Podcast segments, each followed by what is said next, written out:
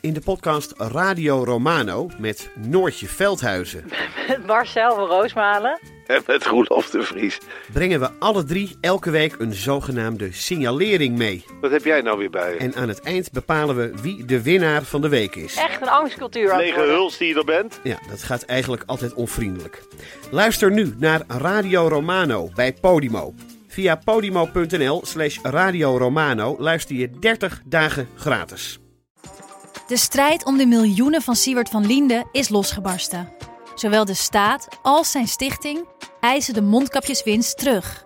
Maar dat die opbrengst in ieder geval niet thuis hoort bij Van Liende, daarover kan toch eigenlijk geen twijfel bestaan. Hoe kon het zo ver komen? Dit is het. We hebben beet. En als Siewert het geld teruggeeft, kunnen wij dit schandaal dan eindelijk loslaten? Je hoort het in de Mondkapjesmiljonairs, exclusief bij Podimo. Ga naar podimo.nl slash mondkapjes.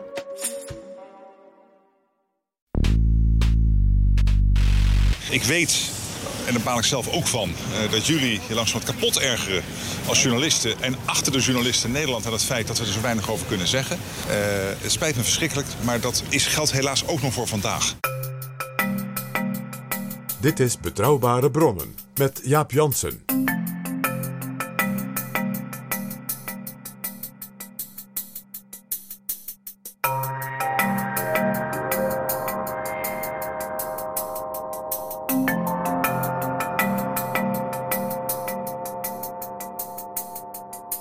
Hallo, welkom in Betrouwbare Bronnen, aflevering 209 en welkom ook PG. Dag Jaap. PG, we gaan het vandaag hebben over de kabinetsformatie. Nee maar. En dat doen we na een weekend waarin Partij van de Arbeid en GroenLinks hun ledenraadplegingen hadden. Eh, raadplegingen die ertoe leidden dat de partijleiders Lilian Ploemen en Jesse Klaver grote steun hebben van de achterban om samen de kabinetsformatie te doen als één team. En ook steun hebben om in ieder geval te onderzoeken of ze niet op den duur, ook na de kabinetsformatie dus, één fractie moeten vormen. Maar het is nog niet een fusie zoals GroenLinks natuurlijk ooit gehad heeft. Zoals de Partij van de Arbeid helemaal in het begin heeft gehad. En zoals natuurlijk het CDA ook heeft gehad. Dat is het nog niet. En dat was ook voor Henk Kamp, VVD oud-gediende en ook oud-informateur, in Buitenhof reden om te zeggen: er is eigenlijk niks veranderd dit weekend. Ik heb niet gezien dat eh Partij van de Arbeid en GroenLinks over een schaduw heen zijn eh, gesprongen. Die, dat, dat, zijn, dat zijn aparte partijen. Ze hebben straks weer aparte fracties. Ze gaan nu samen in die onderhandelingen. Ze zijn dan bereid om met Rutte eh, te praten. Ja, logisch. Rutte met zijn partij alleen is twee keer zo groot als die andere twee samen. Dus natuurlijk dat er met Rutte gepraat moet worden. Maar ja, ik, ik denk dat ze, dat ze niet iets anders te bieden hebben dan ze de afgelopen maanden geboden hebben. En hij kwam zelfs tot de conclusie dat Mariette Hamer na al die tijd eh, waarin zij informateur is geweest, en daar zeg ik nog even bij, zij is inmiddels de langstzittende informateur aller tijden, dat Mariette Hamer na al die tijd, zoals het er nu naar uitziet volgens Henk Kamp, geen partijen aan tafel krijgt om echt te gaan onderhandelen over de inhoud. Uh, in ieder geval, nu moet het wel afgelopen zijn een keer. Je kunt hier niet meer doorgaan. Er wordt iedere keer worden er vage, vage conclusies uh, getrokken en mitsen en maren erbij en, voorwaardelijke uitspraken gedaan. Ik denk dat het nu echt na 3,5 maand informatie van mevrouw Hamer... dat het nodig is dat er nu hom of kuit gegeven wordt. Kampen denkt dat VVD en CDA, en ja, wat de VVD betreft weet hij natuurlijk heel veel... nog steeds niet met wat zij dan noemen de linkse wolk, de twee linkse partijen... een kabinet willen gaan vormen. En hij denkt ook dat D66 en ChristenUnie nog steeds niet met elkaar aan tafel willen. Dan zou er de optie zijn van een minderheidskabinet. Kamp zegt, ja, dat is te zwak in de Tweede Kamer. En hij pleit dan voor een extra parlementair kabinet. En dat is ook een van de dingen, PG, waar wij het zeker in deze aflevering over zullen hebben. En dan gaan wij dus afwegen of een extra parlementair kabinet dan dus minder zwak is. Dit is Betrouwbare Bronnen. PG, vroeger had je bij de Rijksvoorlichtingsdienst directeur Gijs van der Wiel. En die kwam altijd ons journalisten uitleggen. Ik moet eigenlijk zeggen, de mensen die voor mij journalist waren. Uh, Max van Wezel bijvoorbeeld heeft hem nog wel mee, meegemaakt. Uh, die kwam vertellen hoe de situatie in de kabinetsformatie erbij stond. Bijvoorbeeld hoe het ging tussen Van Acht en Den Uil. En ook Tellau. En zijn eerste zin was altijd, hoe staan wij ervoor in het ondermaanse? En die vraag wil ik nu eigenlijk aan jou stellen. Ja, ik heb van Gijs van der Wiel altijd onthouden. Het schip van staat is de enige boot die aan de bovenkant lekt. Ja, en dat had hij weer uit Amerika. The ship of state is the only vessel that leaks from the top. Zo is dat. Maar dat heeft natuurlijk met deze aflevering niets te maken. Nee. En als je het hebt over lekken, hij was natuurlijk de baas dan van alle lekkers, zou je kunnen zeggen destijds. Zonder enige twijfel. Waar staan we? Nou ja, Jaap, als je het goed vindt, ik wou even gewoon de partijen die als het ware de voorbije weken bezig zijn geweest, ook intern. Hè? Zie de linkse partijen, zie de worstelingen in het CDA. Uh, uh, ja, hoe die ervoor staan. Want elke positie van zo'n partij beïnvloedt de positie van de ander. Dat is in onderhandelingssituaties altijd zo. Dus ik begin met de twee liberale winnaars. VVD en D66, die hebben de tijd genomen om een stuk te schrijven. Ja, PG, want dat was ook een opdracht van de Tweede Kamer. Zoals verwoord in een motie van de leden Rutte en Kaag op 23 juni van dit jaar. Daarin stond dat onder begeleiding van Mariette Hamer, de fractievoorzitters van de VVD en van D66, uiterlijk binnen enkele weken een document op hoofdlijnen schrijven, zodat half augustus coalitieonderhandelingen over een meerderheidscoalitie kunnen beginnen. Nou, ze lopen inmiddels wat uit de tijd. Onthoud dit goed, Jaap. Voor de analyse van waar we nu staan, en ook bijvoorbeeld voor wat Henk Kamp naar voren bracht, is deze formulering cruciaal. Want daar staat dus dat de, de heer Rutte en mevrouw Kaag tegen de Tweede Kamer hebben gezegd: draag ons op, Mark Rutte en Sigrid Kaag, begeleid door mevrouw Hamer, een stuk te maken. Daar gaan we het nog over hebben. Ja, want dat stuk is ook gemaakt. Sterker nog, er zijn twee stukken PG. Er is een stuk van drie kantjes. Dat is ook ingezien door alle betrokken partijen. Dus naast VVD en D66 het CDA, de Partij van de Arbeid, GroenLinks en de ChristenUnie. Uh, maar er is nog een tweede stuk. En dat is eigenlijk het interessante stuk. Want die drie kantjes, dat is de samenvatting van dat tweede stuk. Zoals dat er op dat moment van het maken van die samenvatting bij lag. Want dat tweede stuk, dat is een stuk in ontwikkeling. Daar wordt nog elke dag aan geschreven en aan geschaafd. Dat maakt het des te interessanter om wat jij van dat stuk weet en hoort en wat ik van dat stuk weet en hoor dan straks maar eens even bij elkaar te brengen. Wat ik vaststel is dat VVD en D66 dat dus hebben gedaan. In die motie hadden ze eigenlijk de Kamer gevraagd: geef ons die opdracht. En tot nu toe proef ik niet een soort liberale gezamenlijke strategie. Want anders was dat stuk natuurlijk gepubliceerd. Ja, er is wel een gevoel van urgentie, maar dat gevoel zit vooral bij de Tweede Kamer als geheel. En Kamervoorzitter Bergkamp heeft ook al twee keer een brief gekregen van informateur Hamer. De eerste brief was van 12 augustus. Die heb ik hier voor mij. Eh, daarin werd aangekondigd door Hamer dat nu echt intensief gesprekken zouden worden gevoerd. Op basis van, van, van het stuk, zoals het toen nog genoemd werd. Maar mevrouw Hamer schrijft in die brief nadrukkelijk wat ik net zei. Zoals in de motie van 23 juni is vastgelegd, hebben de fractievoorzitter van de VVD en D66 en hun fracties, dus de hele fractie, de afgelopen periode gewerkt aan het formuleren van bouwstenen voor een mogelijk regeerakkoord. dus mevrouw Hamers zegt daar niet bij onder mijn begeleiding. Bescheiden in haar reactie. Ze ja. zegt vervolgens, ik zal de Kamer natuurlijk informeren en we zijn daar heel hard mee bezig. Ook in deze brief benadrukt dus mevrouw Hamer dat het de opdracht van de Kamer, van mevrouw Bergkamp en haar mensen was, aan die twee fractievoorzitters. Ja, overigens, jij zegt zij is bescheiden.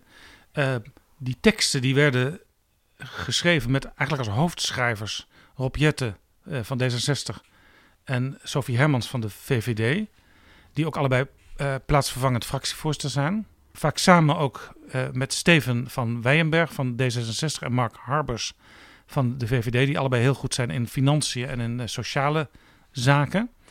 En als er echt knopen moesten worden doorgehakt, politiek gesproken, dan was er ook natuurlijk een doorslaggevende rol voor Mark Rutte, de partijleider van de VVD, en Sigrid Kraag, de politiek leider van D66. En ook wel belangrijk om te vermelden, waar Hamer dan wat bescheiden is, Hamer deed ook uh, heel vaak tekstsuggesties. Dus in de tekst van, van die twee stukken, het kleine stuk en het grote stuk, daar staan ook typische Hamerzinnen in. Want Hamer weet natuurlijk als geen ander, als voorzitter van de Sociaal-Economische Raad en voorzitter van allerlei andere belangrijke overleggen in Nederland, uh, hoe je partijen die moeilijk zitten, hoe je die toch bij elkaar brengt. En de Kamer had natuurlijk in haar vorige verslag natuurlijk een enorm pakket informatie, studies, uh, ja, analyses vanuit zeg maar, de polder rondom de economische ontwikkeling, maar ook op een heleboel andere terreinen, die natuurlijk weer de basis vormden voor het schrijven van dat stuk. Het, is natuurlijk, het zijn natuurlijk dakpannen hè, die op elkaar worden gelegd. Ja, en vorige week wilde Kamervoorzitter Vera Bergkamp uh, nog een keer weten hoe de situatie erbij ligt. En toen schreef op 25 augustus informateur Hamer terug aan de Tweede Kamer dat de gesprekken nog gaande zijn.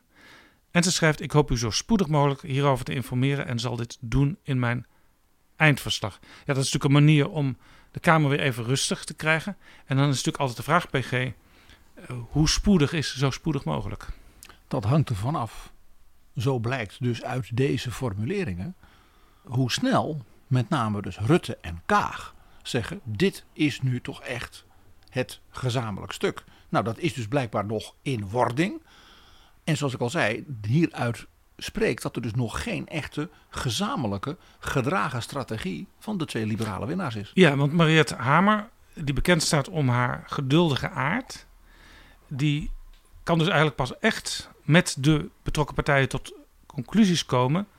Zodra in ieder geval die twee liberale partijen die aan het schrijven zijn, zeggen: ja, dit is wel het stuk op basis waarvan wij ook in het overleg met de andere partijen een conclusie moeten kunnen trekken. Ja, en zolang die twee geen gemeenschappelijke strategie hebben, die ook als het ware dus door die twee partijleiders is vastgesteld, dit is hem, hè, wat men er nu de, taal, de taal voor gebruikt, er een klap op gegeven, kan Hamer ook niet met een klaver, met een Hoekstra en zelfs met Gert-Jan Segers zeggen, dit is het ongeveer, wat zou jullie inbreng zijn en hoe komen we daar dan uit? Ja, toch hoor ik uit liberale kring dat deze week, die dus net begonnen is, er toch wel conclusies getrokken moeten gaan worden. En dat, daar komt dan uit een eindverslag van de informateur, wat gevolgd wordt door een Kamerdebat. En de Kamer die zal dan opdracht geven voor een vervolgstap, al dan niet door Mariette Hamer. Kan ook zijn dat er een andere informateur komt. Of een formateur. Als die conclusie zo helder zou zijn, en dat kan dus alleen als VVD en D66 het eensgezind zijn. Want als de conclusie is, wij worden het niet eens, dan gaat het spel op de wagen, zoals dat heet. Ja, hier ben je toch, denk ik, PG, als historicus, historisch gezien iets te snel. Want meestal is het zo in de geschiedenis van de kabinetsformaties in Nederland, dat een formateur aantreedt. Ik geef toe, het is niet altijd zo geweest, maar zeker in de recente geschiedenis, formateur aantreedt als het kabinet moet worden gevormd in de zin van het aantrekken van bewindslieden. En een informateur die helpt bij het komen tot een regeerakkoord. En praten over de inhoud door meer dan de twee partijen die dat tot nu toe hebben gedaan, is nog niet gebeurd. En daarom is dus dat eindverslag ook er vast nog niet zo heel snel. Zo spoedig mogelijk. Dit is dus de positie van VVD en D66 en die is in zekere zin nog steeds wat schimmig. Nou, dan hebben we de Partij van de Arbeid en GroenLinks. Uh, je kunt van alles beweren, maar niet schimmig die stellen zich op zoals van wij laten ons nooit meer wegsturen. We zitten er nu bij en we nemen desnoods onze eigen krentenbollen mee als we geen lunch van mevrouw Hamer zouden krijgen, maar we gaan niet weg. Ze stellen zich bovendien ook wat de Duitsers zo noemen staatstrakend op.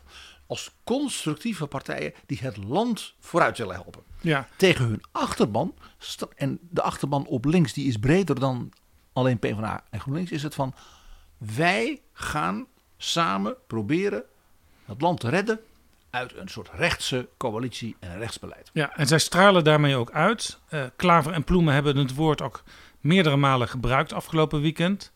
Wij zijn anders dan die weigerpolitici van VVD en CDA. De problemen van Nederland kunnen niet wachten.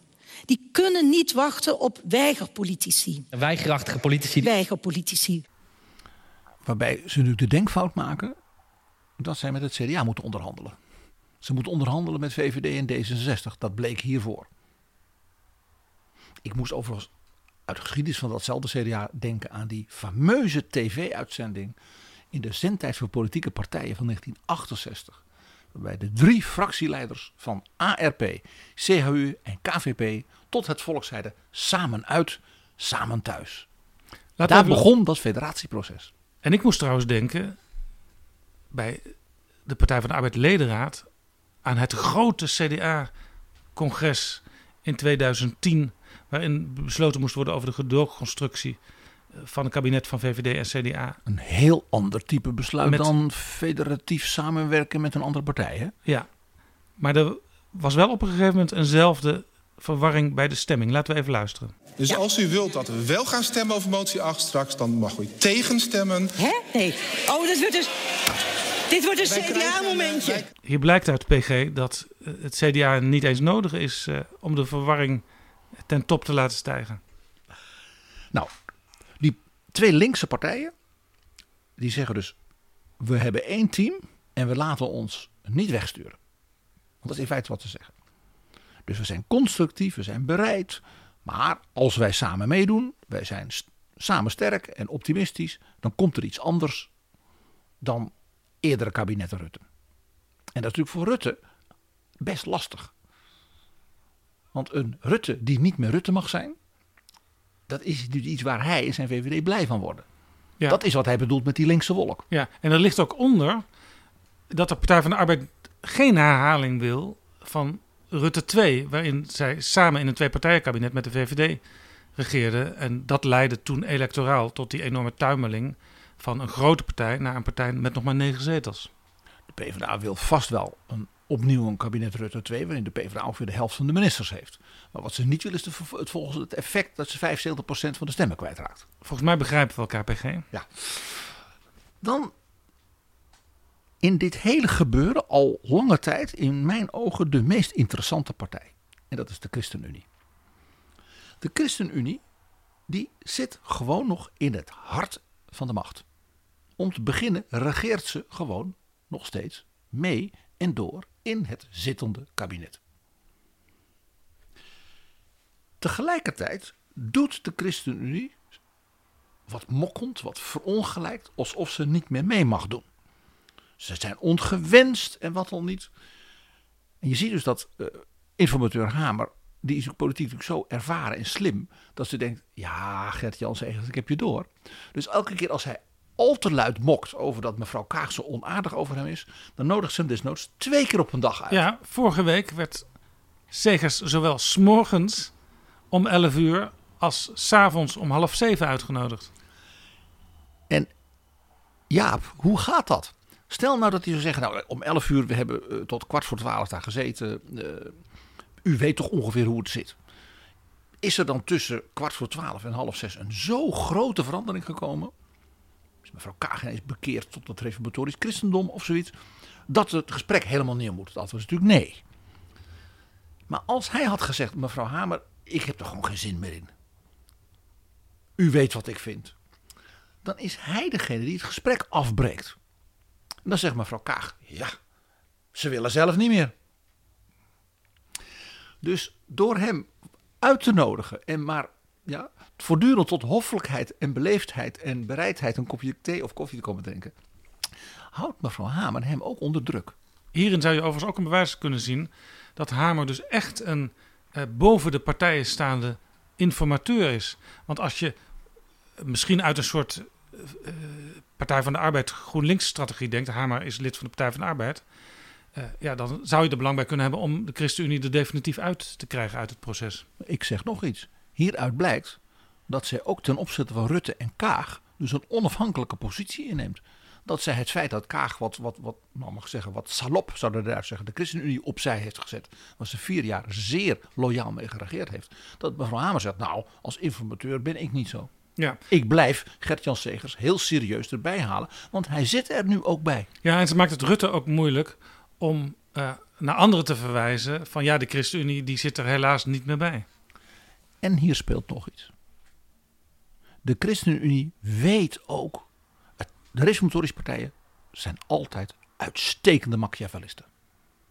beluister onze aflevering 200. Zij weten dat ook als ze mokkend doen, we zijn ongewenst en ze willen ons niet aardig en die liberalen willen allemaal nare dingen doen. Zij zijn nodig.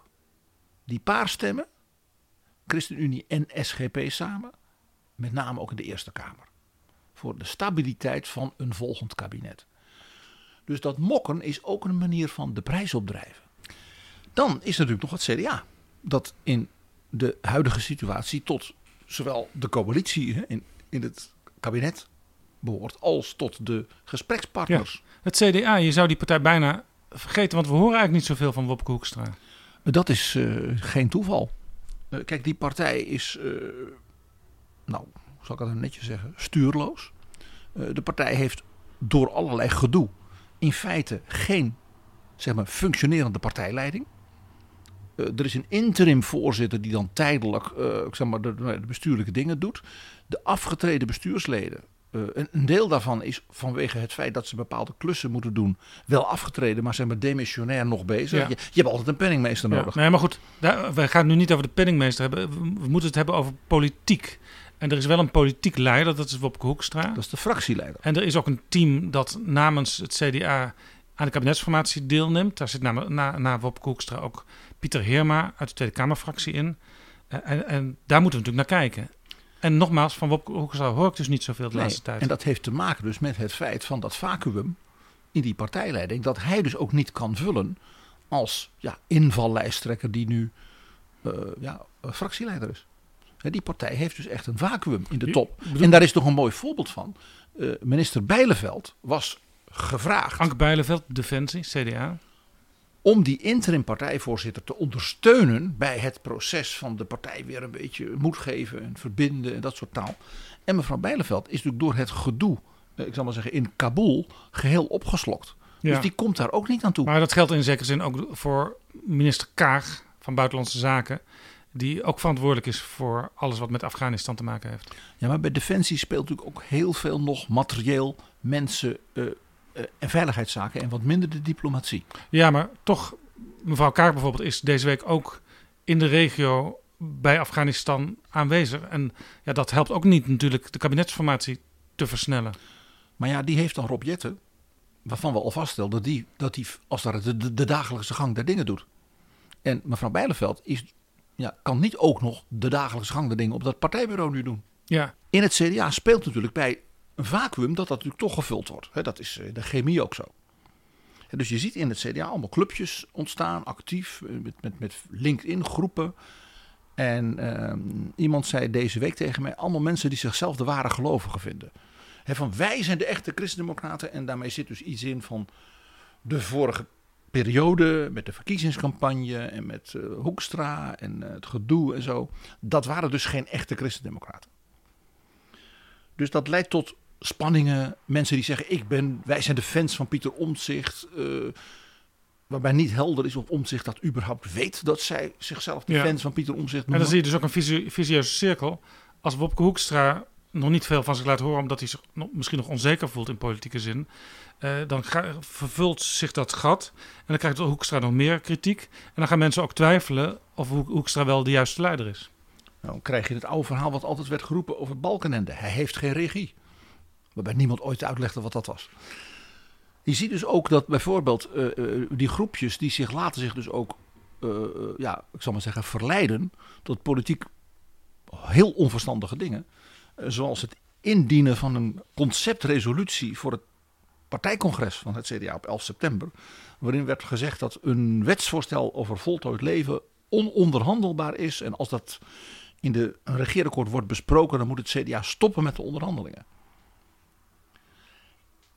Ja, dan maak je, als dat zou worden aangenomen, maak je dus bind je de handen van Hoekstra precies op het punt wat mevrouw Kaag natuurlijk zelf naar voren heeft geschoven. Met de bedoeling bijvoorbeeld de ChristenUnie te verwijderen. Ja, dit doet mij denken aan de geschiedenis van de Partij van de Arbeid met ononderhandelbare strijdpunten. En daar werd eigenlijk alleen de Partij van de Arbeid zelf armer van, want die stonden dan al snel buitenspel vaak. En dat was in de tijd dat de Partij van de Arbeid nog 50 zetels en meer had. Dat heeft het CDA nu niet. Daar zie je dus dat dat soort groepjes ongetwijfeld van de, de beste bedoelingen van ons beginselen laten horen. Ja. Dus politiek uh, buitengewoon onverstandig opereren. Overigens verwacht ik dat eh, op het CDA-congres, zoals dat in de politiek altijd gaat bij verantwoordelijke partijen. We zagen het ook bij de Partij van de Arbeid uh, afgelopen weekend, waar ook gestemd moest worden over moties. Dat de, de partijtop zoveel mogelijk sturende moties of niet in stemming wil laten brengen, of in ieder geval zal adviseren die niet aan te nemen.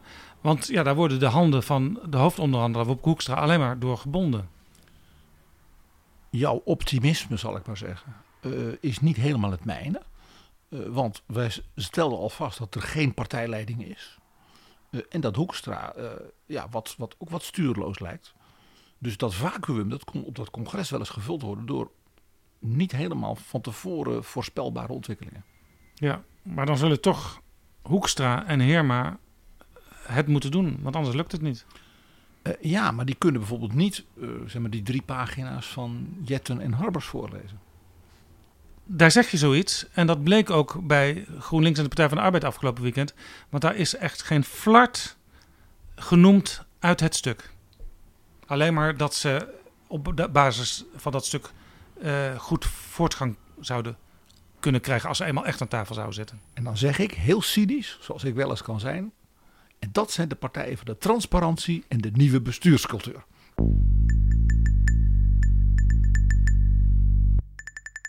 PG, ik zei het al eerder.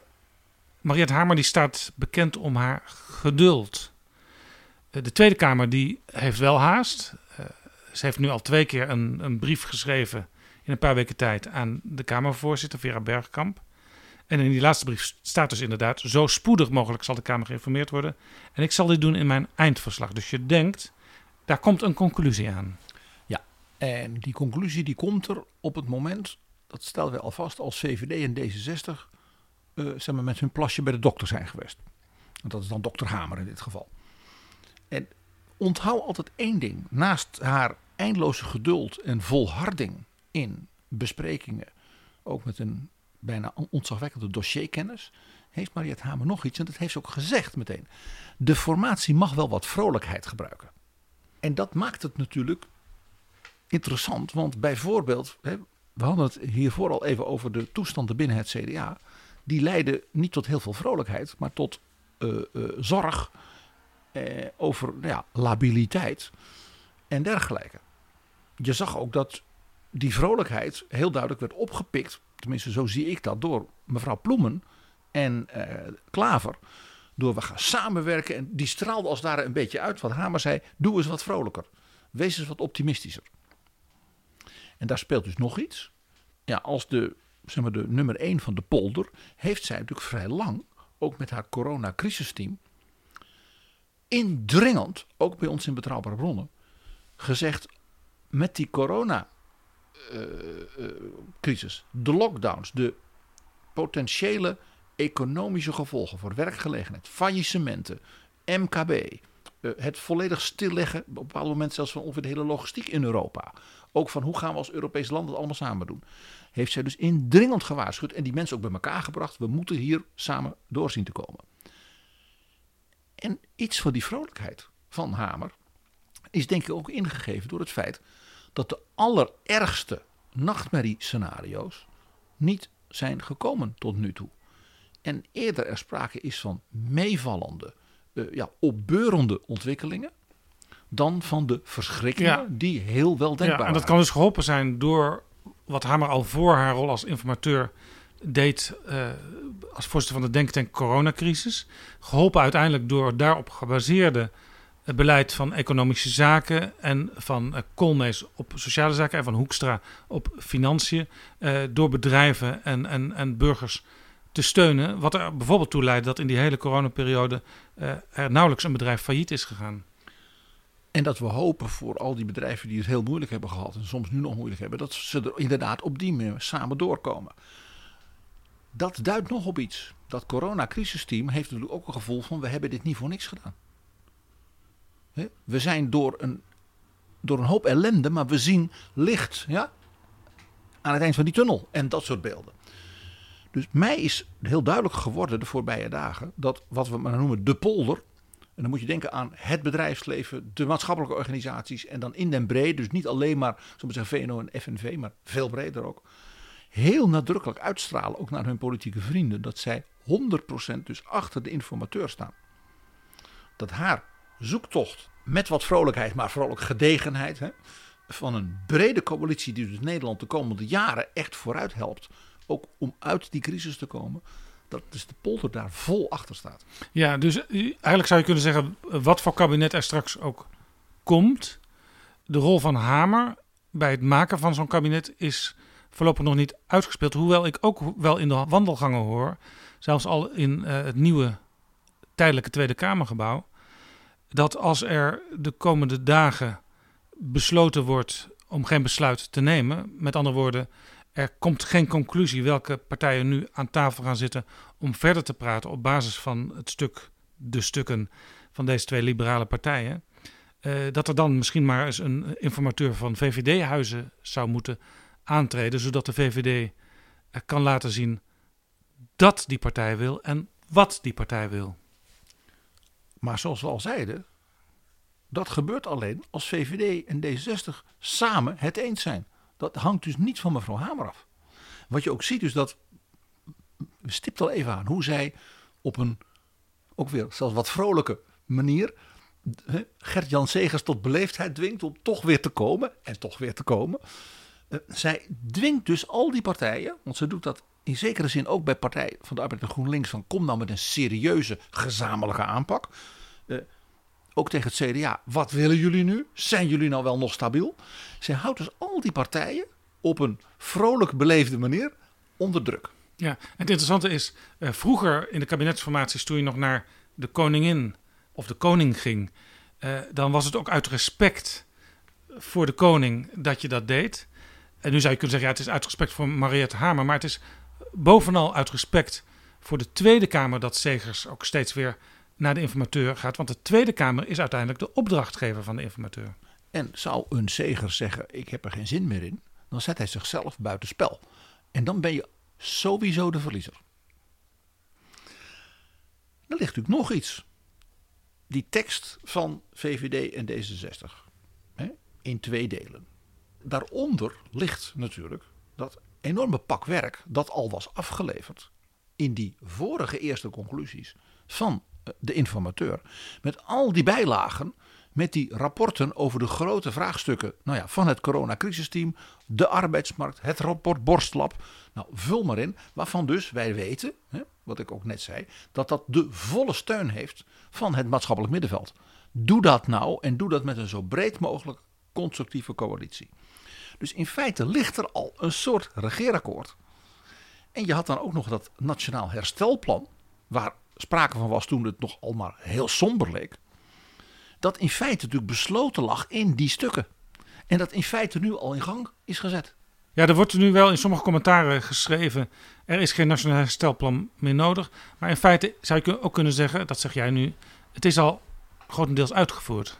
Dat heeft zich, als het ware, uh, via dat coronacrisisteam en die ingrepen die gedaan werden, natuurlijk goed afgestemd, of ook Europees afgestemd zich gerealiseerd.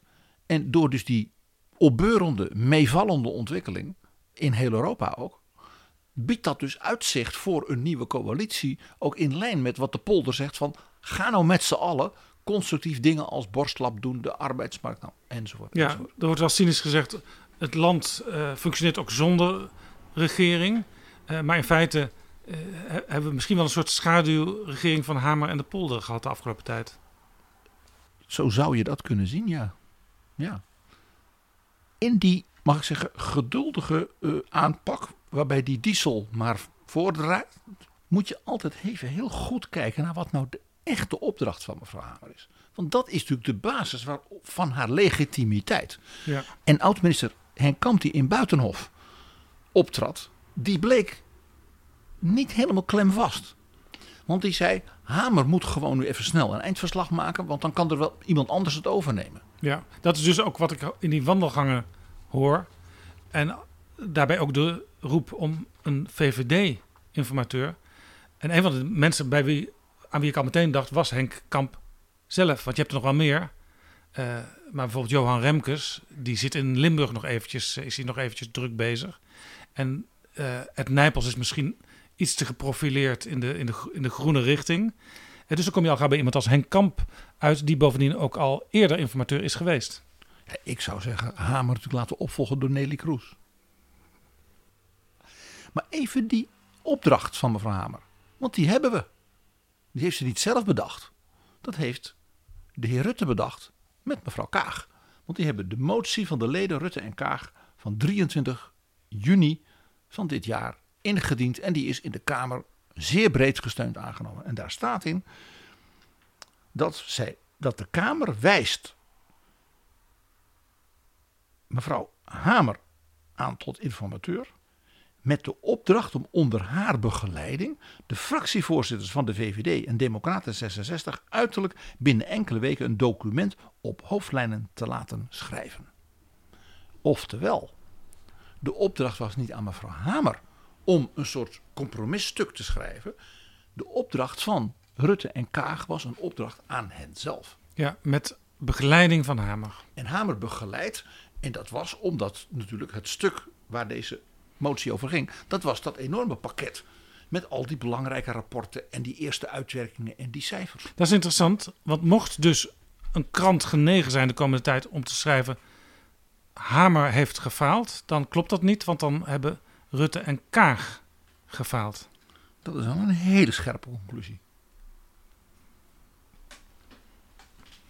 En dit brengt mij tot een wat andere observatie, ja. Wie had dit gedacht? Mark Rutte is politiek in groot gevaar. Mark Rutte is in groot gevaar? Ja, want als het inderdaad zo is dat hij moet vaststellen, ondanks voortreffelijke mensen als Mark Harbers en Rob Jetten en dergelijke, dat VVD en D66 er niet uitkomen. Dat dat stuk wat ze maken onvoldoende substantie heeft.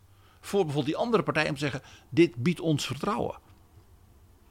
Dan is het dus vooral Mark Rutte. Die hier dus een ernstig probleem zou hebben. En nog een probleem. We hadden het al even over het CDA. Als het CDA op dat partijcongres van 11 september feitelijk zou zeggen: wij zijn zozeer ja, in onderlinge nood. En er worden misschien zelfs wel niet zo handige resoluties aangenomen. Dan haakt het CDA dus af. En Rutte heeft natuurlijk vanaf het begin gezegd: ja, VVD met CDA en dan D66 en dan nog iets erbij. Ja, je gaat iets te snel, PG. Want je zegt uh, dat er blijkbaar geen aanleiding is bij andere partijen om te zeggen: wij hebben hier vertrouwen in in dit stuk. Ik ga even tellen. En uh, Partij van de Arbeid en GroenLinks, Ploemen en Klaver hebben gezegd: wij hebben hier vertrouwen in. Dus dat vertrouwen is wel degelijk. En als je de twee liberalen die het stuk hebben geschreven optelt, plus Partij van de Arbeid en GroenLinks, kom je op 75 kamerzetels. Dat is toch al een heel eind. Dan ben je een heel eind. Precies. En als dan het CDA om allerlei haarmoverende redenen. En als, en als dan het CDA om allerlei moverende redenen die te maken hebben met de binnenkant van die partij feitelijk uitvalt, dan kun je erop rekenen dat, zeker ook in de Eerste Kamer, ChristenUnie en SGP ook heel moeilijk nog zullen doorgaan. En dan zit Rutte in de interessante situatie dat hij in plaats van het CDA, waarvan hij er min of meer van uitging dat dat er altijd wel bij zou zitten, hij een linkse coalitiepartner heeft met z'n tweetjes die groter is dan het CDA. Ja, dan heb je in feite in potlood of in waterverf al een soort paars plus formatie staan. Die in de Tweede Kamer gedoogd zou kunnen worden door Volt. En dan heb je een meerderheid. Of misschien nog andere uh, meer progressieve partijen. Dat zou allemaal kunnen. Misschien zelfs wel door het CDA. Nou, maar dan heeft Rutte dus een kabinet niet van vijf met een wolk, maar van, van vier met een nog veel grotere wolk binnen dat geheel. En dan is er voor de VVD nog een probleem. D66 heeft dan met die twee zeg maar, meer progressieve partners natuurlijk een dominante positie als liberale, links-liberale partij binnen die coalitie. De VVD is dan in de minderheid. Ja, dat is ook een reden waarom ik zelf soms heb gepleit afgelopen tijd in bijvoorbeeld columns bij BNR richting VVD en CDA. Wees nou niet zo bang voor wat jullie dan noemen die linkse wolk. Want jullie hebben binnen die constellatie met die vijf partijen, met D66 er nog bij, binnen die verhouding samen meer kamerzetels dan die linkse partijen eh, met D66 er nog bij gerekend. Maar dat gaat uit van uh, stabiele verhoudingen die er niet zijn. Kortom, en ja, betekenen dat Rutte in gevaar is, inderdaad. Ja, maar nog eentje. Die coalitie van vijf partijen die jij net noemt. Van nou, daar moeten ze niet zo bang voor zijn. Zeg ik nou, die nu zich breedmakende mevrouw Ploemen en meneer Klaver. Wij laten ons niet uit elkaar spelen. Nee. En wij blijven, hè, zoals ik al zei, ze nemen dus nooit hun eigen krentenbollen mee om erbij te blijven. Die gaan natuurlijk zeggen, ja, er moet echt een ander beleid komen. En nieuw leiderschap, dat zegt Sigrid ook. Dus wij willen natuurlijk onze bereidheid om mee te doen wel vertaald zien. Niet alleen in de inhoud van dat regeerakkoord, in grote lijnen en zo, maar ook in de posten. En met vijf partijen, dan, ja, dan zijn er toch weer relatief weinig ministersposten te verdelen. Dus dan krijgt iedereen maar een beetje. En als je dan ook nog die partijen zeg maar, op inhoud wil compenseren in de kwaliteit van die posten, dan blijft er dus voor de VVD het premierschap over. En dan iets van vier, nou, niet zo hele zware ministersposten. Dit is extra gevaarlijk omdat de, de geschiedenis leert dat Mark Rutte soms eh, al bereid bleek te zijn bij vorige kabinetten, bijvoorbeeld het kabinet wat er nu nog zit, om genoegen te nemen inderdaad met wat dan genoemd wordt zwakkere ministersposten. Rutte wil altijd anderen comfort geven. En dat leidt soms tot gemor achteraf in zijn eigen Tweede Kamerfractie van... hé, hey, hebben wij eigenlijk wel voldoende stevige posten binnengesleept? Ja, maar dan is het te laat, want dan is alles al in kannen en kruiken. En dat is dan dus de kwaliteit en de stevigheid van de posten. En hier wijs ik erop dat het ook nog gewoon heel weinig jobs voor de boys. En de girls. Inhoud. Dus dat maakt het allemaal in de huidige situatie aanzienlijk uh, minder comfortabel. Dit is Betrouwbare Bronnen, een podcast met betrouwbare bronnen. Zullen we het nog eens even over dat stuk gaan hebben? Wat Jette en uh, Hermans en Harbers en zo hebben gemaakt. En Steven van Weyenberg niet te vergeten. Die nu ook nog staatssecretaris is geworden. Dat stuk. Jij zei al, het zijn twee stukken. Ja, een samenvatting van drie pagina's en een groot stuk wat voortdurend in beweging is. En ik zeg erbij, het is dus niet dat Nationaal Herstelplan. Nee, want dat, hadden we al. Dat hadden we al, de facto. Ja. Het is nog leuker, Jaap, want Jij hoort dingen, ik hoor dingen. En die gaan we maar eens bij elkaar brengen. Ten eerste, en dat is voor Nederlandse verhoudingen in kabinetsformaties tamelijk uniek. Het stuk bevat van alles, maar geen financiële paragraaf. Nee. Het, je, je, zou zeggen, daar waar de overheid in Nederland het allerbeste in is, namelijk geld uitgeven, hè, dus ongeveer de helft van ons BBP, wordt niet behandeld. En dan denk je, dat is toch raar? En dan ga ik zeggen, nee hoor. Ik snap dat wel. Want dat is op een hele aparte manier overbodig. Want door die meevallende ontwikkeling, dat veel minder ernstige begrotingstekort, de meevallende economische groei en het bijna niet als het ware massaal geworden werkloosheidseffect, zijn natuurlijk alle voorspellingen ten aanzien van de begroting, de druk op de sociale lasten, ja, enzovoort, enzovoort. Natuurlijk niks meer waard. Het enige beeld is, we hebben een crisis, daar zijn we nu aan het uitkomen. Dat gaat eigenlijk in alle voor ons belangrijke, ook Europese landen, een stuk beter dan gedacht. Nou, hè, de hemel zij geprezen. Uh, en ga op basis daarvan een zeer, zeg maar, ruw, zeg, middellange termijn financieel beeld met ook de Europese vrienden en mevrouw Lagarde en wat dan niet maken.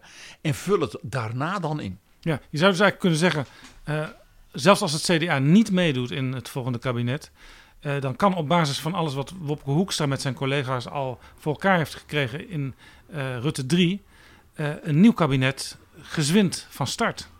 Ja, het nieuwe kabinet zou eigenlijk als eerste dat standbeeld voor Wopke Hoekstra ergens daarnaast dat van Oldenbarneveld op de Lange Vijfberg of zo moeten ontwerpen. Ja, dat kan ook vast wel in een ongetwijfeld ambitieus cultuurplan wat het nieuwe regeerakkoord zal bevatten opgeschreven worden. Een standbeeld van Wopke Hoekstra, hij is twee meter nog wat, dat is veel hoor. Nou, tweede opmerkelijk element in dat stuk is er zit een heel duidelijk liberaal, bijna ideologisch liberaal accent in. En dat gaat dus niet over de economie en deregulering. Nee, dus ze willen zelfs meer overheid. En toch zeg ik een heel liberaal accent. En dat is wat de Amerikanen zouden zeggen: culture wars. Dit moet je even uitleggen, PG. Culture wars. Het verhaal van wij moeten de, eigenlijk dat akkoord tussen de partijen dat in de campagne is gesloten onder leiding van het COC, dat moet gewoon als het ware één op één worden doorvertaald in het overheidsbeleid. Ja. Dus dat raakt discriminatiebeleid, dat raakt benoemingsvrijheid in het onderwijs, dat raakt van alles. En dat is natuurlijk heel duidelijk een manier vanuit met name D66 om de ChristenUnie natuurlijk het gebouw uit te jagen.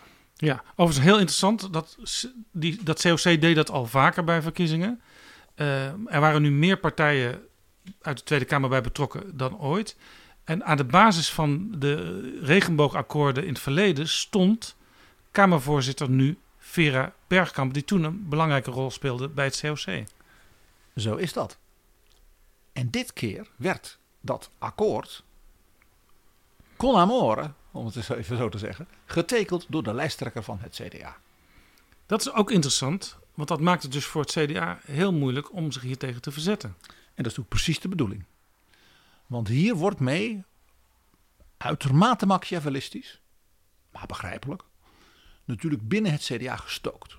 De wat meer behoudende katholieke uh, ik zal ik maar zeggen, in het CDA, die die Wopke Hoekstra toch al een beetje verdenken van al te lochte, semi-liberale, niet-klassiek christdemocratische neigingen, die worden hiermee natuurlijk tegen elkaar uitgespeeld. Ja, dus er zijn mensen in het CDA die nu zeggen, ja, als het CDA zich hier niet tegen verzet, dan blijkt maar weer, die Wopke Hoekstra is zo'n consultant waarvan je er duizenden hebt. Uh, die net zo goed in de VVD of in D66 gaat kunnen zitten. Zulke dingen zegt natuurlijk niemand in het CDA over Wopke Hoekstra. Dat snap jij ook wel. Maar er is natuurlijk nog iets. Het is niet alleen de ChristenUnie en een deel van het CDA dat hier buikpijn bij heeft. Dat geldt natuurlijk ook voor de SGP. Ik weet al hoe belangrijk die altijd weer is in de Eerste Kamer. Dit geldt ook voor mensen bij Forum. Dit geldt ook voor mensen bij Ja21. Ik denk bijvoorbeeld die mevrouw Nikki Pauw Verwij. Die bekend staat zich ook presenteren als een zeer conservatieve katholiek. Ja, overigens Annabel Nanninga zal er anders over denken. Maar ja, die zit niet in de Tweede Kamer. Die zit niet in de Tweede Kamer. Die heeft weer overal anders een baantje. Met dank aan Thierry. Dat heeft allemaal aan Thierry te danken. Kortom, jij zegt... Um, het wordt nog moeilijk om daarvoor een stabiele meerderheid in beide kamers van het parlement te vinden voor al die plannen. Ja, dat geldt ook voor het volgende punt. Want in dit stuk zit ook een heel duidelijke medisch-ethische paragraaf, zoals dat heet. Men wil de embryo-wetgeving aanpassen en er is natuurlijk voltooid leven, wat door uh, mevrouw Kaag nadrukkelijk naar voren is gebracht. Ook dat is interessant, want het is pure symboolpolitiek. We weten dat uh, dat wetsvoorstel van Pia Dijkstra, dat is niet van het kabinet. Dus dat onderwerp hoef je ook helemaal niet te behandelen in een regeerakkoord. Dus als je erover begint, dan wil, wil je er dus politiek iets mee. En we weten ook uit al het onderzoek van bijvoorbeeld D66-senator professor Snabel... dat het onderwerp buitengewoon, buitengewoon lastig ligt. En dat de feitelijke, zeg maar, maatschappelijke behoefte aan een dergelijke regeling bijna non-existent is. Dus het is symboolpolitiek. Nou is symboolpolitiek altijd ook belangrijke politiek. Want dan doe je iets symbolisch. Dan wil je daarmee iets uitstralen. Dat is dus wij, liberalen, zijn nu de leidende maatschappelijke groepering in Nederland. Wij willen dus ook de Nederlandse cultuur daarin beïnvloeden. Ja. Kijk, PG, ik zie hier heel goed dat D66 uh, er belang bij heeft om het zo te spelen. Want je zaait verdeeldheid in het CDA waar je misschien wel mee wil regeren in een bepaalde constellatie, maar in een andere constellatie weer niet. Want ik kan me herinneren dat Kaag vrij vroeg in de kabinetsformatie al sprak over wat de Telegraaf dan noemt de Kaag-coalitie. Dus met CDA, Partij van de Arbeid GroenLinks. Uh, maar zij noemde nog een andere combinatie, namelijk een minderheidskabinet van VVD en D66. En daar werd het CDA dus helemaal niet bij genoemd. Terwijl Rutte het CDA er wel graag bij heeft. En dat is ook wel weer strategisch logisch. Want als het met de VVD niet zo goed gaat, dan zou dat electoraal wel weer eens goed kunnen zijn voor een CDA dat misschien in de oppositie zit. Maar vervolgens vroeg ik me dus af. Maar Jaap, dit toont dus aan wat wij eerder zeiden. Er is geen gezamenlijke VVD-D66-strategie in deze kabinetsinformatie. En ook niet gebaseerd op zeg maar grote heilige liberale beginselen. Nee, maar toen vroeg ik me wel af. Waarom laat de VVD dit allemaal toe? Dat D66 zeg maar eh, het CDA in verwarring brengt via deze tekst. En de ChristenUnie die een loyale collega bleef, bleek al die tijd in feite de prullenbak ingegooid. En dit is denk ik dan toch te danken aan informateur Hamer. Want wat heeft Hamer gezegd tegen VVD en D66? Zij zei tegen die partijen: schrijf nu eerst eens op waarover jullie het eens zijn. Nou ja, en toen keken die twee liberale partijen naar hun verkiezingsprogramma's. En toen zagen zij onder andere dat volledige regenboogakkoord van het COC. Met de handtekening van Wopke Hoekstra eronder. En ze zagen ook uh, dat de VVD eigenlijk hetzelfde denkt over dingen als uh, embryo-selectie, over voltooid leven als D66. Dus ja, dan kun je dat gewoon opschrijven. D66 zei dus, daar zijn we het toch over eens, dus dat schrijven we nu meteen op. En als de VVD dan al zou roepen, nou ja, staat wel in ons programma, ja, we willen het CDA erbij, dan, ja, dan ben je als het ware al aan het onderhandelen terwijl je dingen moet formuleren waar je het over eens bent. Ja, dat is dus het, het, het, het komische eigenlijk. Hamer gaf opdracht aan die twee partijen, althans de suggestie, en dat hebben ze gedaan. Doe nou even net alsof je alle meerderheid hebt samen en schrijf maar gewoon op wat je dan zou uitvoeren op basis van jullie programma's. En daar staat dit allemaal in. Een soort uh, regeerprogramma voor een minderheidskabinet van liberalen. Maar ik heb op dit punt nog een heel interessant element uit dat stuk. Het is duidelijk dat in dat stuk een ook trouwens, ja, door ons samen met bijvoorbeeld Mariette Hamer meer dan één keer besproken onderwerp, namelijk het leenstelsel voor studenten, ook uh, tussen VVD en D66 een lastig ding is. We gaan in een paar huizen in het land uh, de, de bingo-kaarten omhoog uh, van betrouwbare bronnen bingo, want het leenstelsel is genoemd PG. Zo is dat. het blijkt dat de VVD in dat stuk heeft gezegd: kijk, wij, partijen, hebben dat samen, dat leenstelsel doorgevoerd. Hè, met het bussen maken van de PvdA. Met de steun van GroenLinks in Rutte 2. Dus wij gaan dat leenstelsel handhaven. Dat staat in het stuk. Dan kunnen er misschien aanpassingen hier en daar. Als je ja, mijn studenten hebben erg veel schulden In grote lijnen, de kern van het leenstelsel blijft overeind. Want het onderzoek van bureau dat en dat laat zien dat het allemaal meevalt met eh, de studieuitval en zo. En daar zou je dus kunnen zeggen dat, dat een, een toegeving is van D66 aan eh, de VVD. Want D66 had wel in het verkiezingsprogramma staan, in tegenstelling tot de VVD, dat het leenstelsel moest worden vervangen door iets anders. Ja, maar dat alternatief van D66 was dermate bezopen dat iedereen wist dat je dat niet serieus moest nemen. Dus de VVD zegt D66 zegt, stop daar nou mee. Wij zijn daar gewoon voor. Hier en daar een kleine aanpassing voor. Bijvoorbeeld dat je zegt, die studenten hoeven dan niet meteen het eerste jaar na hun afstudeerd al afbetaald met die coronacrisis. Maken we dat drie jaar later. Kijk, dat zijn dingen. Maar we gaan het niet vervangen door iets van een basisbeurs. Dat is natuurlijk een affront, bewust natuurlijk, van de VVD naar allereerst het CDA. Naar de andere linkse partijen, die dus veel nadrukkelijker hebben gezegd: wij hadden deze fout moeten we herstellen. En natuurlijk naar de SER, naar mevrouw Hamer. Want haar jongerenclub kwam met dat hele uitgebreide rapport. Om te laten zien hoe zou je nou dat leenstelsel kunnen vervangen door een soort herstel van de basis. Ja, nou kan, dan moet ik toch even nog even een soort advocaat van D66 spelen. D66 kan van de duivel bedoel je? Strategisch gedacht hebben. Uh, wij, wij, wij geven dit nu even aan de VVD. Want straks komen CDA, Partij van de Arbeid GroenLinks erbij. En dan wordt het toch nog in de richting die wij ook wel wilden aangepast. Nou, die indruk heb ik dus ook, beste Jaap. Want wij weten dit doordat de jonge democraten iets van een soort opiniestuk hebben geschreven. En daar, dat jongeren moeten voor hun belangen opkomen. En er moet naar ze geluisterd worden. En toen dacht je, nou, als er nou één iemand. We hebben die hele jongere delegatie in Betrouwbare Bronnen gehad. Naar jongeren luistert, is dat mevrouw Hamer. Dus waarom doen ze dat? Nou, er stond een heel klein zinnetje. Dat het feit dat de VVD niet wil bewegen bij bijvoorbeeld het leenstelsel, enzovoort, enzovoort, enzovoort. Dus dat was een soort oproep van de jonge democraten aan het CDJA en vul maar in om ze uit de nood te redden. De VVD speelt hier dus hoogspel. Dus je ziet ook hier, dus in dat stuk, ook weer een soort positiespel zoals in het schaken, want dat is in de politiek altijd zo. Nou heb ik begrepen dat er in dat stuk nog iets uh, zit en dat is hoogst belangrijk. En ook weer een onderwerp dat wij wel eens vaker hebben behandeld hier. En dat is de grote hervormingen van de arbeidsmarkt. Die moeten komen. Nou, je, je hebt geloof ik twee keer met Hans Boslap uh, daarover Zeker. gepraat. Uh, natuurlijk en ook, met Koolmees. En met Koolmees. En met de Stichting van de Arbeid, de, de, de mannen. Ja. En natuurlijk met mevrouw Hamer en haar jongeren ook. Hier speelt een belangrijk nieuw thema. Dat is echt iets van de laatste, nou, twee jaar. Dat is het besef dat de tekorten aan talent, aan mensen met de juiste opleidingen uh, en dergelijke in de arbeidsmarkt, ook door dus die meevallende economische ontwikkeling, een ernstig knelpunt aan het worden zijn. En dan gaan ze de toekomstige economische groei afremmen. Ja, dat blijkt zelfs op dit moment al, als je naar de CPB-stukken kijkt. Uh, op sommige terreinen is sowieso geen sprake van werkloosheid, maar is zelfs sprake van een soort uh, omgekeerde uh, werkloosheid. Er kunnen voor heel veel vakken geen mensen meer gevonden worden. En kun je vervolgens dus die produc productie of die activiteiten die economisch gewenst zijn, niet doen. Uh, ja, mevrouw Hamer, dat is natuurlijk haar onderwerp. Die arbeidsmarkt, onderwijs, talenten en dergelijke.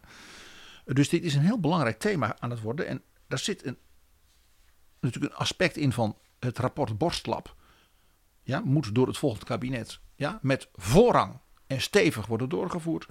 Uh, een grote agenda voor leven lang ontwikkelen. Zodat mensen die nu wel al een baan hebben, nou die zijn er dan tenminste, hè? dan heb je daar geen tekort aan. Dat die als het ware die tekorten kunnen opva opvangen door bijvoorbeeld beter bij bijscholing, bijspijkeren, productiviteitsverhoging en dergelijke. Dus dat kon wel eens een heel groot accent zijn, als het ware een wat verrassend onderwerp als vervolg op de coronacrisis. Volstrekt omgekeerde van wat we bij het uitbreken van die crisis hebben gedacht rondom arbeidsmarkt, werkloosheid en dergelijke. Dan is er nu nog het klimaat. Energie, landbouw. Ja, daar is natuurlijk gewoon een witte vlek. Want Nederland is ongeveer het enige land in Europa nu dat de grote plannen van de Nederlandse eurocommissaris Frans Timmermans niet heeft ingevuld. Ja, daarmee laat Nederland zich toch echt wel van een hele slechte kant kennen op dit moment. We hebben altijd veel potenties, ook potenties over wat Europa samen zou moeten doen. En wat andere landen in Europa zouden moeten doen. Een beetje ja, tempo maken, de Italianen Italië. dit en de Portugezen dat Grieken en dat. de Ieren dat. Uh, maar Nederland is nu ongeveer de laatste die het allemaal nog moet invullen. Dus eigenlijk wacht, ja, Brussel wacht niet op Nederland. Maar dat is dan ook de tragiek voor Nederland uiteindelijk. Want je moet er wel bij zijn uh, als het gebeurt. Dat. En daar speelt natuurlijk nog iets. Even weer heel tactisch. vanuit de kabinetsformatie de partijen die hier als het ware uh, met elkaar op de tafel zouden moeten zitten, die zijn in Europa natuurlijk elkaars bondgenoot. Want dat beleid van Timmermans, met dus die hele grote klimaathervormingen en dat herstelplan, en die werken in elkaar door, ook financieel, dat is het product van Timmermans, nou P van de A in, Amerika, in, Europa, de SND. Natuurlijk Ursula von der Leyen en uh, andere uh, mensen, Maria Gabriel, de Christen-Democraten van de EVP. Daar zit Macron en Rutte met hun Renew Europe.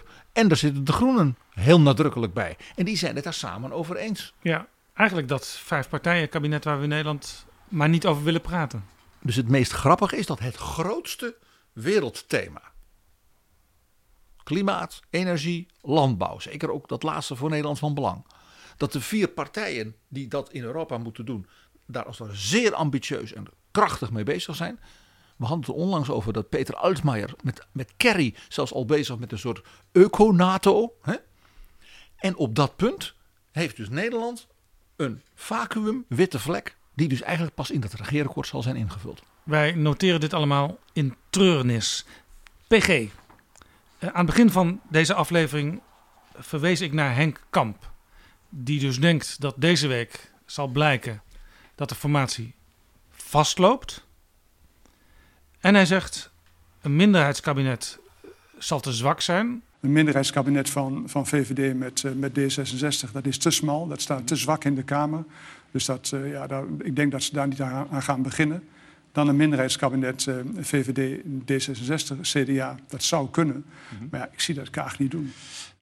Dat zegt dus nog iets. Henk Kamp is dus niet erg onder de indruk van de verkiezingsoverwinning van zowel Mark Rutte als Sigrid Kaag. Het enige waar hij zelf nog aan denkt, Henk Kamp, is wat hij dan noemt een extra parlementair kabinet. Daar noteert hij meteen bij, dat is niet hetzelfde als een zakenkabinet, wat ook vaak geroepen wordt op Twitter en in sommige kranten. Eh, want politiek is wel echt een vak, dus je moet echt wel door de wol geverfde ministers en staatssecretarissen straks hebben in zo'n extra parlementair kabinet. Maar het staat veel losser tegenover de Tweede Kamer. Dat geeft meer vrijheid voor de fracties. Dat is voor Henk Kamp, wat hem betreft, nog de enige mogelijkheid straks. En hij noemde dat dat dat heel goed zou kunnen werken in de nieuwe bestuurscultuur. Nou, wat er uiteindelijk dan bekeken moet worden of er in de lijn van de nieuwe bestuurscultuur die uh, nagestreefd wordt, meer accent bij de Tweede Kamer, meer, uh, meer vrijheid van fracties, wisselwerking tussen kabinet en, um, en, en, Tweede Kamer. Misschien moet er eens gekeken worden of er een extra parlementair kabinet kan komen. Dat betekent dat is niet gebonden aan fracties in de, um, in de Tweede Kamer. Er is geen regeerakkoord, maar er is een ministersploeg die een regeringsprogramma maakt. En dat regeringsprogramma dat, uh, die, dat moet dan in de Kamer verdedigd worden. En die ministersploeg die moet denk ik breed samengesteld worden. Dus daar kunnen uit, diverse uh, met mensen van diverse achtergrond kunnen in dat kabinet. En die moeten enthousiasme proberen op te wekken voor de plannen die ze hebben om de problemen die opgelost moeten worden, om die op te lossen. Ja, ja ik kon mijn lachen niet meer houden. Henk Kamp beroept zich op de nieuwe bestuurscultuur. Alsof dat iets is. Het enige wat we tot nu toe op dat punt hebben gehad is een essay van Pieter Omtzigt. En zijn de radicale ideeën voor een nieuwe bestuurscultuur van Mark Rutte. Hij is weggelachen. Dus dat Kamp hiermee komt, toont aan dat dit is gewoon een. Dit is niks. Ja. Er komt nog iets bij. Een extra parlementair kabinet betekent een kabinet met iemand anders als premier dan Mark Rutte. Want dan, je kunt niet de zittende premier, fractieleider voor de grootste partij, premier maken en zeggen: nee, maar het heeft geen parlementaire binding. Nou, daar denkt Henk Kamp zelf anders over. Luister maar. Ik vind wel dat um, Rutte met zijn ervaring, de manier waarop hij met de Kamer omgaat, hoe hij zich de afgelopen elf jaar bewezen heeft. Hij is de leider van veruit de grootste uh, partij in de, in de Tweede Kamer. Ik denk dat hij de ideale man is om zo'n extra parlementair kabinet te leiden. Mijn Kamp heeft natuurlijk volstrekt gelijk. Als oude rot in de VVD, als leermeester zegt hij: Mijn Mark moet premier worden. Ik gun hem dat van harte. Maar het is natuurlijk politiek, parlementair historisch gezien flauwekul. Hij zegt ook: uh, iedereen wil eigenlijk wel Mark. Dat is ook een beetje raar, want op 1 april hadden we nog dat enorme debat. waarin uiteindelijk een motie werd ingediend door Sigrid Kaag van D66 en Wopke Hoekstra van het CDA. En in die motie, PG, je hebt hem nu voor je, stond... Overwegende dat deze gang van zaken ernstige schade heeft toegebracht aan het herstel van vertrouwen van de burger in de overheid en aan het onderling vertrouwen in het proces om te komen tot de nieuwe regering, keurt deze handelwijze af. Dus de heer Rutte, die dus door een grote Kamermeerderheid een motie van afkeuring kreeg, die die dus niet als een motie van wantrouwen interpreteerde, ja, dit die ging allemaal, dan een extra parlementair kabinet. Dit, dit ging allemaal over hoe Rutte zich al dan niet herinnerde dat er gesproken zou zijn, ook door hem in de kabinetsformatie, over functie elders voor het toen nog CDA-Kamerlid Pieter Omtzigt. Waarvan ik net zei dat hij samen met Rutte de enige is die tot nu toe iets heeft gedaan om die nieuwe bestuurscultuur in te Ja, vullen. De dit- ironie is te. Ja. Overigens is dit interessant, want die motie die sprak vervolgens uit dat in de opdracht voor een informateur met de nodige distantie van alle partijen, die informateur, uitdrukkelijk op moet worden genomen te bezien of en zo ja, welke mogelijkheden er zijn voor het herstel van vertrouwen. Dus eerst werd de handelwijze van Rutte afgekeurd en er moest wel worden gekeken of er herstel van vertrouwen eh, mogelijk is. En misschien duidt Kamp daarop dat dat inmiddels aan de orde is, dat het vertrouwen er weer is. Toen Rutte zelf zei: Ik kom met ideeën. He, daar heeft hij weken, is, werd het opgewarmd. En ja, dat was echt helemaal niks.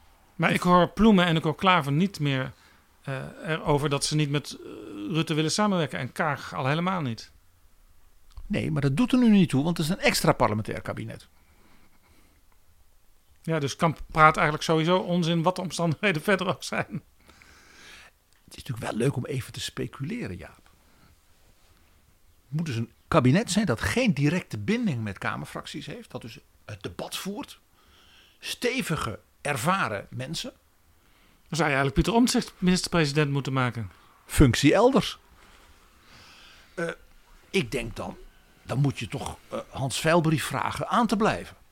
Ik bedoel, als er nou iemand, uh, ook als oud-topambtenaar in Europa en zo, er helemaal in zit, is hij dat.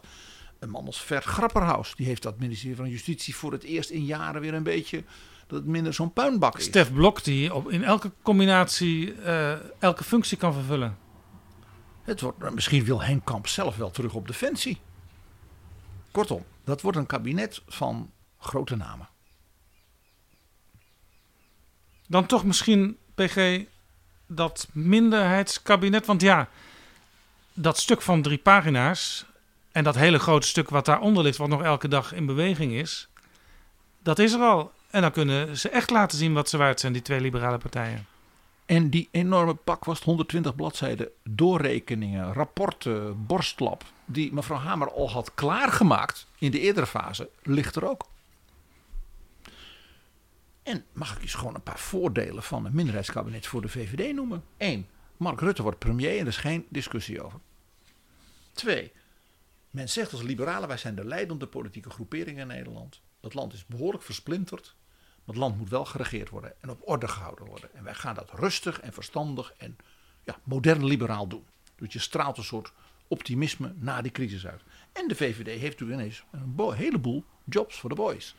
En de girls zeg ik er dan bij. maar girls, dan maak ik wel de kanttekening, PG, dat bij het vorige kabinet, uh, na de formatie al werd gezegd dat uh, de VVD had niet alleen, daar kwamen ze wat later zelf achter als fractie, uh, de zwakkere posten gekregen in grote mate. Maar er ook nog vaak nog niet zo hele sterke persoonlijkheden opgezet. Dus de vraag kan zijn, na zo lang regeren, heeft de VVD nog wel voldoende personeel om daar neer te zetten? Nou, in elk geval kunnen ze, als ze met D66 samen het kabinet verdelen, ik noem maar eens wat, uh, uh, 9, 7 uh, ministers hè, van één hand de premier. En dat doet er in feite ook niet meer toe, die verhouding. Nee, maar dan, dan, kun je, dan krijg je dus ook hele mooie zware posten waar je bijvoorbeeld nieuwe talenten of hele goede VVD'ers van buiten ook in kunt zetten. Kijk, een Mark Harbers moet gewoon op een zware post in dat kabinet, om eens wat te noemen. Ja, en wordt Jan Anthony Bruin toch nog een keer minister? Ik denk dat hij senaatsvoorzitter wil blijven. Maar hetzelfde geldt natuurlijk ook voor mevrouw Kaag.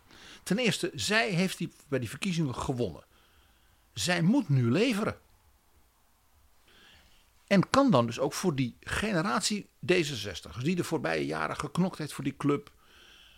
Eh, en er al door niet in zat, om het maar even zo te zeggen. Nou, moet ze ook leveren. Denk ik aan Jan Paternotte. Ik denk aan Michiel Scheffer. Ik denk ook aan er zijn ook heel veel hele goede vrouwen Michiel in die Scheffer was lang de leider in Gelderland. Gelderland. En de leermeester van Rob Jetten. Denk aan Anneloe van Egmond. Nou, jij en ik kunnen zo een lijst voortreffelijke mensen noemen. Maar dan Kaag kan dan ook leveren aan deze mensen, aan haar supporters. Een minderheidskabinet is zelfs aantrekkelijk voor PvdA en GroenLinks. Oh, dat moet je uitleggen. Want ik hoorde Klaver dit weekend zeggen... als wij niet gaan regeren, dan gaan we keihard oppositie voeren. Tuurlijk gaat hij dat doen. Maar wel het land behoeden voor een verschrikkelijk rechtsbeleid.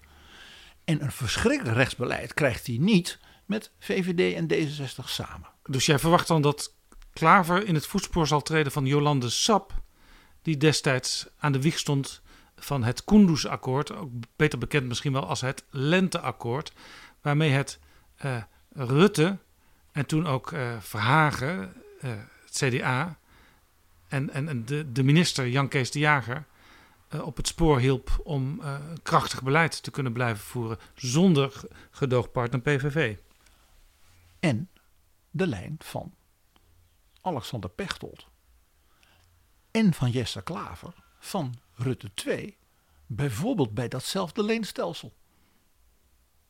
Dus zo vreemd is dit nog niet voor GroenLinks. Want je kunt dan dus een kabinet met een zeg maar, geestverwante, wat progressieve partij, toen de PvdA, nu dan D66, steviger maken. En nog een keer, als GroenLinks en de PvdA echt samenwerken en D66 als het ware scherp houden, dan zijn ze met z'n drietjes groter dan de VVD van Mark Rutte. Dus zelfs voor die twee linkse wolkpartijen, zoals eh, Rutte het zou zeggen, heeft dit voordelen, zo'n constructie. Met nog een intern voordeel naar de linkse zeg maar, levensgevoel in het land. Wij doen niet mee in een kabinet onder leiding van Mark Rutte, waar wij die motie van wantrouwen van tegen gesteund hebben. Precies, en als het toch ook soms niet goed gaat, dan hoef je ook niet te schamen voor je eigen ministers, want die zijn er niet. En je hebt ook niet het probleem dat bij een minderheidskabinet waar de linkse ministers in meedoen, dat ze bijvoorbeeld in de Eerste Kamer sneuvelen of anderszins narigheid. Die narigheid, die mag Sigrid Kaag en die mag Mark Rutte hebben. En het Nou, CDA? Ja, nou, het wat, heeft het CDA te winnen bij zo'n constellatie? Ja, voor het CDA valt er niks te winnen. Het maakt eigenlijk niet uit in welke situatie ze terechtkomen. Dat is heel raar, dat is zo. Het CDA gaat natuurlijk door een heel diep dal. De gedachte van Rutte met het CDA erbij. 15 zetels, hè. het zijn er ooit wel eens meer geweest. Maar dat maakt mijn VVD sterker ten opzichte van links. Nou, het zijn er geen 15, het zijn er 14. Dat is de eerste tegenvaller. En die partij is natuurlijk gewoon in, met zichzelf in problemen. Ja. Dus die is niet stabiel genoeg. Daar komt nog iets bij. Stel nou, er komt een kabinet Rutte en het CDA zou ook nog meedoen. En is dus nodig voor de meerderheid. We hebben in maart komend jaar, dus dat is een maand of vier na het aantreden van het kabinet, hè, in november, gemeenteraadsverkiezingen. Op 16 maart 2022. Kijk naar de cijfers. Het CDA zal alle CDA-fracties in de raden van een beetje stedelijk Nederland gewoon volledig kwijt zijn. Ja, want er is misschien ook nog die dreiging die nu een beetje boven de markt hangt. Gaat Pieter Omtzigt wel of niet een eigen beweging oprichten? En zelfs als Pieter Omtzigt daar helemaal niks over zegt, als hij gewoon zijn werk goed doet in de Tweede Kamer in de komende tijd, dan kunnen er in het land natuurlijk alle mensen opstaan die pretenderen dat ze van de lijn Omtzigt zijn en met een eigen lijst aan de gemeenteraadsverkiezingen meedoen. Ik ben op één punt niet zo bezorgd. Pieter Omtzigt is geen organisator. Die kan niet tussen nu en de gemeenteraadsverkiezingen een soort lijst Omtzigt doen. Nee. Waar het, wat veel eerder gebeuren kan, is dat bijvoorbeeld mensen die zeg maar als CDA wethouder zijn en populair zijn in hun gemeente. Ja, die zeggen: Ik ben christendemocraat, ik doe met een eigen lijst mee. Dat zou heel goed kunnen, ja. Dus het CDA raakt dan sowieso in stedelijk Nederland ongeveer iedereen kwijt. Hè, Ze hebben in Amsterdam nu één gemeenteraadzetel met 3% Ja, van de stemmen. ook maar een paar. Dus over. Maar dan speelt dat dus dat die partij met zijn grote traditie en ook heel veel leden en een enorme organisatie in feite dus gemarginaliseerd raakt. Dat destabiliseert natuurlijk de hele binnenkant van die partij. Hè, want zo'n wethouder is ook voorzitter van de provinciale afdeling. Maar ja, die is nu zijn wethoudersplek kwijt. Dus ja, die gaat dan maar. Gelukkig is er een groot lerarentekort. Die gaat voor de klas. Dat zijn prima mensen. Het jaar daarop, de statenverkiezingen. Maart 2023. Ja. Daar zal het CDA in de huidige situatie hetzelfde natuurlijk ondergaan. Dat blijft in, ik zal maar zeggen, Flevoland, Noord-Holland, Zuid-Holland heel weinig van over. En ook in Friesland, in Limburg en in Brabant zijn de cijfers voor het CDA bij de Kamerverkiezingen dramatisch Ja, geweest. dus de partij die altijd zegt: wij zijn de partij van de dorpen en ook vooral van de regio's, die krijgt dan het lid op de neus. Die is in die regio's dan in feite ook een kleine club geworden. Dus dat klinkt misschien gek, maar als het CDA zou zeggen: wij doen niet mee in dat kabinet. Maar net als PvdA GroenLinks gaan wij vanuit onze constructieve houding inhoudelijk dat liberale kabinet, nou misschien een beetje ietsje minder liberaal maken. Of een aantal dingen die verstandig zijn op het gebied van Europa aanmoedigen. Dan kan het CDA intern saneren. Want het heeft geen bewindslieden, dus de nu zittende bewindslieden gaan allemaal andere baan zoeken. Want zo werkt dat. Ja, want er zitten in de huidige fractie eh, een aantal bewindslieden. Nou, dus, en misschien nog een paar andere mensen die zeggen: ja, er zit voor mij niet veel brood meer in. Ik zeg het maar een beetje bruut. Dat kan natuurlijk de partijleiding die nu moet gaan komen, zo langzamerhand zou je dat toch hopen, als het ware moet geven om, ik zou bijna zeggen, Wopkiaans door te pakken. En dus in die partij een zekere sanering door te voeren. Die zal sowieso nodig zijn vanwege de financiën. Want als je zo verliest en je ziet die komende verliezen in die gemeenten en provincies komen, dan kun je maar beter nu vast beginnen met saneren. Dus om die redenen ja, zijn, zijn ook er voor het CDA belangrijke argumenten om zo'n minderheidskabinet eigenlijk te prefereren. Interessant. En dat betekent dus dat Rutte en Kaag, als ze dat zouden doen en durven, misschien wel zeggen: Nou, we zijn voor zeker twee jaar, hè, tot en met die statenverkiezingen van 2023, verzekerd van voldoende, stabiele, brede steun. Waarbij we ook nog natuurlijk de hele polder, hè, zeiden allemaal: we willen dit heel graag, een goed beleid, brede steun. Nou ja, dan zien we wel dat zijn toch weer twee hele jaren. Misschien dat als de Eerste Kamer dan ja, in 2023 nog een beetje constructief is samengesteld. Ook door het instorten van de partijen uh, op de flanken. Dan kunnen ze misschien zelfs nog wel langer door. En dan komen we vanzelf bij de lange brief die Mark Rutte aan de kiezers schreef vlak voor de verkiezingen van 17 maart van dit jaar. Ik citeer: Politiek gaat ook over samenwerking. We kunnen alleen iets bereiken door met alle redelijke partijen samen te werken. Uiteindelijk willen we allemaal het land vooruit helpen. Verschillende inzichten en ideeën zorgen samen voor een beter plan. En om plannen in daden om te zetten, moeten we ook met z'n allen aan de slag. Mark Rutte, vlak voor de verkiezingen van 17 maart 2021. En laten we dus niet vergeten, dit is de brief waarmee Mark Rutte aan de Nederlandse burgers heeft gevraagd: wilt u mij daarin steunen? Daar staat niks in over een linkse wolk. En daar staat niks in over eigenlijk alles wat er nadien gebeurd is, inclusief die zogenaamde radicale ideeën van hem. Dankjewel, PG.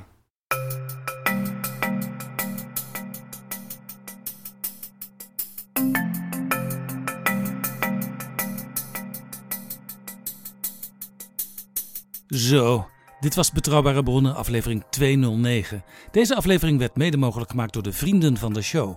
Mensen die met een donatie hun waardering laten blijken voor Betrouwbare Bronnen. Ben jij nog geen vriend van de show? Laat daar dan nu verandering in komen. Ga naar vriendvandeshow.nl/slash bb. Ik herhaal vriendvandeshow.nl/slash bb. En help Betrouwbare Bronnen mede mogelijk maken. Tot volgende keer.